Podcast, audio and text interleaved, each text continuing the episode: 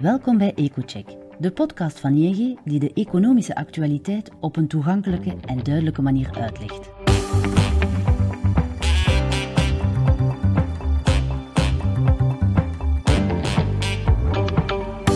Om de twee weken buigen onze economen zich over de meest besproken gebeurtenis en analyseren zij de economische en financiële gevolgen voor u of uw onderneming.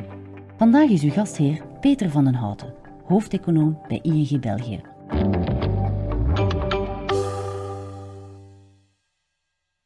Welkom in deze nieuwe aflevering van EcoCheck, onze financieel-economische podcast. In de vorige aflevering keken we naar het tijdsverloop tussen de monetaire beleidsbeslissingen en hun effecten op de economie. U kan deze aflevering nog steeds beluisteren en het blijft relevant.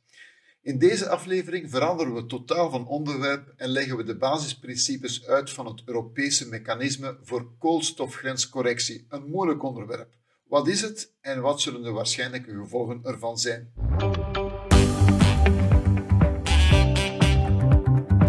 We luisteren naar de analyse van Peter. Laten we beginnen met de basis. Waar gaat het om?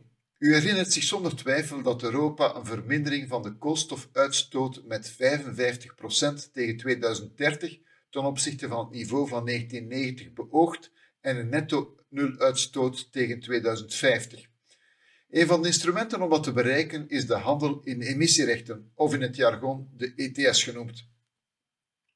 Onder de ETS wordt een plafond vastgesteld voor de hoeveelheid koolstof die mag worden uitgestoten door bedrijven die onder het mechanisme vallen, en dit plafond wordt na verloop van tijd steeds verder verlaagd. Bovendien kopen of ontvangen deze bedrijven emissierechten en kunnen zij deze onderling verhandelen. De prijs van de koolstofemissierechten is in de afgelopen jaren aanzienlijk gestegen als gevolg van wijzigingen in de regeling. Begin 2018 werden emissierechten verhandeld tegen minder dan 10 euro per ton. In 2023 ligt dat al rond de 100 euro per ton. Van alles wat wordt uitgestoten binnen de Europese Unie is vandaag ongeveer 40% onderhevig aan dit systeem. Gezien de Europese Unie vrij ambitieus is, zou je wel kunnen zeggen dat dit systeem een concurrentieel nadeel is voor Europese bedrijven. Zij hebben immers die bijkomende kost van emissierechten, terwijl in vele landen hun concurrenten die kost niet hebben. Vandaar dat men nu iets nieuws uh, heeft uitgedokterd, met name het koolstofgrenscorrectiemechanisme. Ik geef het toe, een hele mond vol.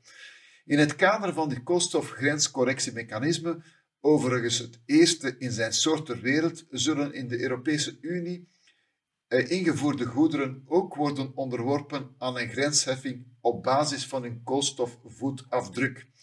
Deze heffing zal geleidelijk worden ingevoerd tussen 2026 en 2034 en is in de eerste plaats bedoeld als aanvulling op de handel in emissierechten. Maar in feite moet het ook de vergroening van de belangrijkste handelspartners van de EU stimuleren, want het is zo dat landen die een gelijkaardig mechanisme, uh, emissierechtenmechanisme uh, hebben, um, er niet aan onderhevig aan zullen zijn. De Europese Commissie kent momenteel in het kader van de ETS nog altijd gratis emissierechten toe aan industrieën met een hoog risico op koolstoflekkage. Met koolstoflekkage bedoelt men het fenomeen waarbij koolstofintensieve productie wordt verplaatst naar landen met een minder streng, klimaatbeleid, wat uiteindelijk niet leidt tot emissiereducties, behalve dan in de cijfers van de EU. Toch wil de Commissie de hoeveelheid gratis rechten die aan deze kwetsbare industrieën worden toegekend verminderen om hen er ook toe aan te zetten hun activiteiten koolstofarm te maken. Om het risico van koolstoflekkage te beperken, dus het feit dat deze, deze bedrijven zouden kunnen delokaliseren naar landen met een minder streng mechanisme, gaat de Europese Unie een soort van koolstofbelasting op invoer toepassen. Precies om te vermijden dat men deze producten uit landen gaat invoeren die een minder strenge milieuwetgeving hebben. Aanvankelijk zal deze belasting gelden voor de invoer waarvan de productie koolstofintensief is en die het grootste weglekrisico inhoudt, zoals cement, ijzer en staal, aluminium, meststoffen, elektriciteit en waterstof. Maar het is, het is de bedoeling deze belasting nadien uit te breiden. Hoe gaat men dat nu concreet doen? Voor de geselecteerde sectoren gaat zeer binnenkort, in oktober van dit jaar al, een proefperiode van start. Tijdens de proefperiode zullen importeurs van goederen alleen de broeikasemissies die hun invoer omvat moeten rapporteren zonder enige verdere betaling te verrichten. Daarna treedt het grenscorrectiemechanisme op 1 januari 2026 in werking en moeten importeurs jaarlijks verslag uitbrengen over de hoeveelheid goederen die zij in het voorgaande jaar in de EU hebben ingevoerd en de broeikasgassen die deze invoer bevat. Op basis van deze emissies zullen ze certificaten van het correctiemechanisme moeten kopen. De prijs van de certificaten zal uiteraard gekoppeld zijn aan de ETS-markt. Iedereen staat zo op gelijke voet, zowel de Europese producenten die emissierechten in Europa moeten kopen, als de buitenlandse producenten ja, die uiteindelijk onderhevig zullen zijn aan het grenscorrectiemechanisme. Hoewel het uh, aanpassingsmechanisme pas over enkele jaren ten uitvoer zal worden gebracht, heeft het voorstel al negatieve reacties uitgelokt bij een aantal handelspartners van de EU die kritiek hebben op het wat zij noemen groene protectionisme van de Europese Unie. De VS, China, India, Brazilië, Zuid-Afrika en verschillende andere landen hebben hun bezorgdheid geuit dat de nieuwe regels de handel zullen bemoeilijken en de exportkosten voor fabrikanten van buiten de EU zullen verhogen.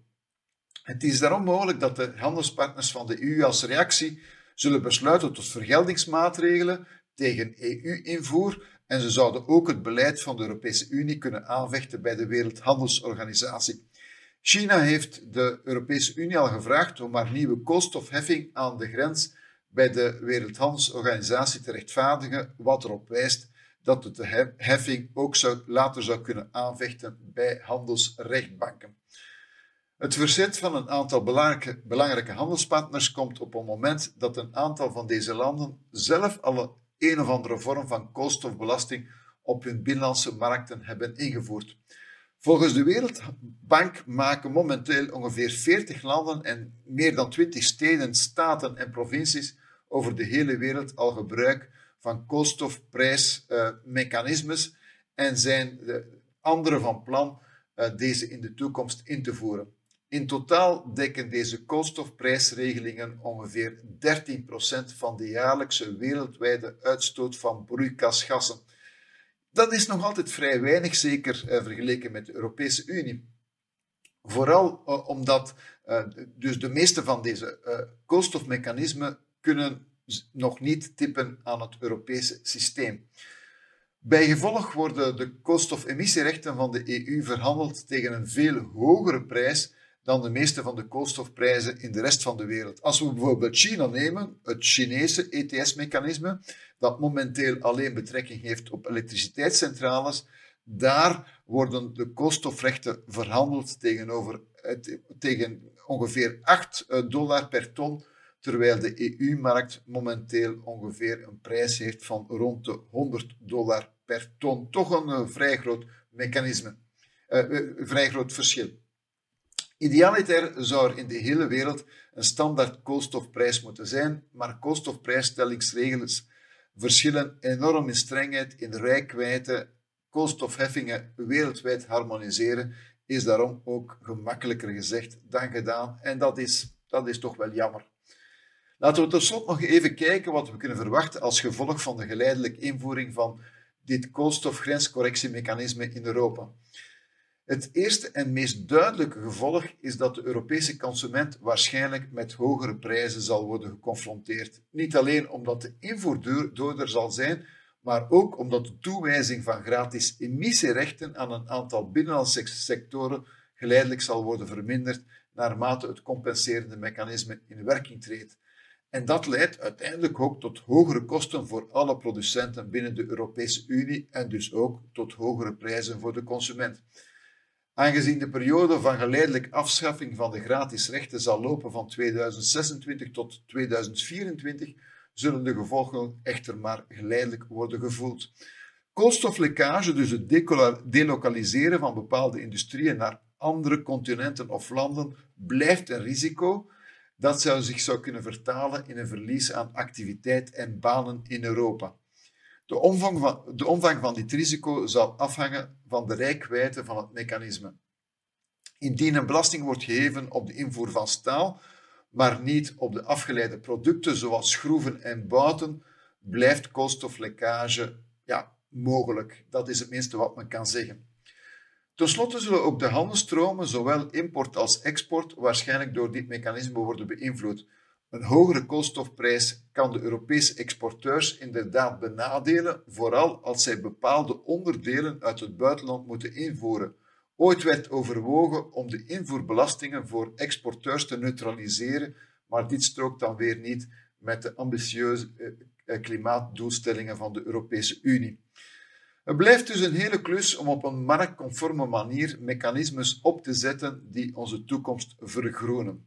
Heel gecompliceerde materie, als u het mij vraagt. Dat was het voor deze keer. Bedankt om te luisteren en graag tot een volgende keer. Zo, dit is het voor vandaag. Bedankt om te luisteren naar deze aflevering. Aarzel niet om onze EcoCheck podcast te volgen, zodat u geen enkele aflevering hoeft te missen. Wilt u meer weten over economisch en financieel nieuws? Ga dan naar ing.be-mijn-nieuws en ontdek alle analyses van onze econoom.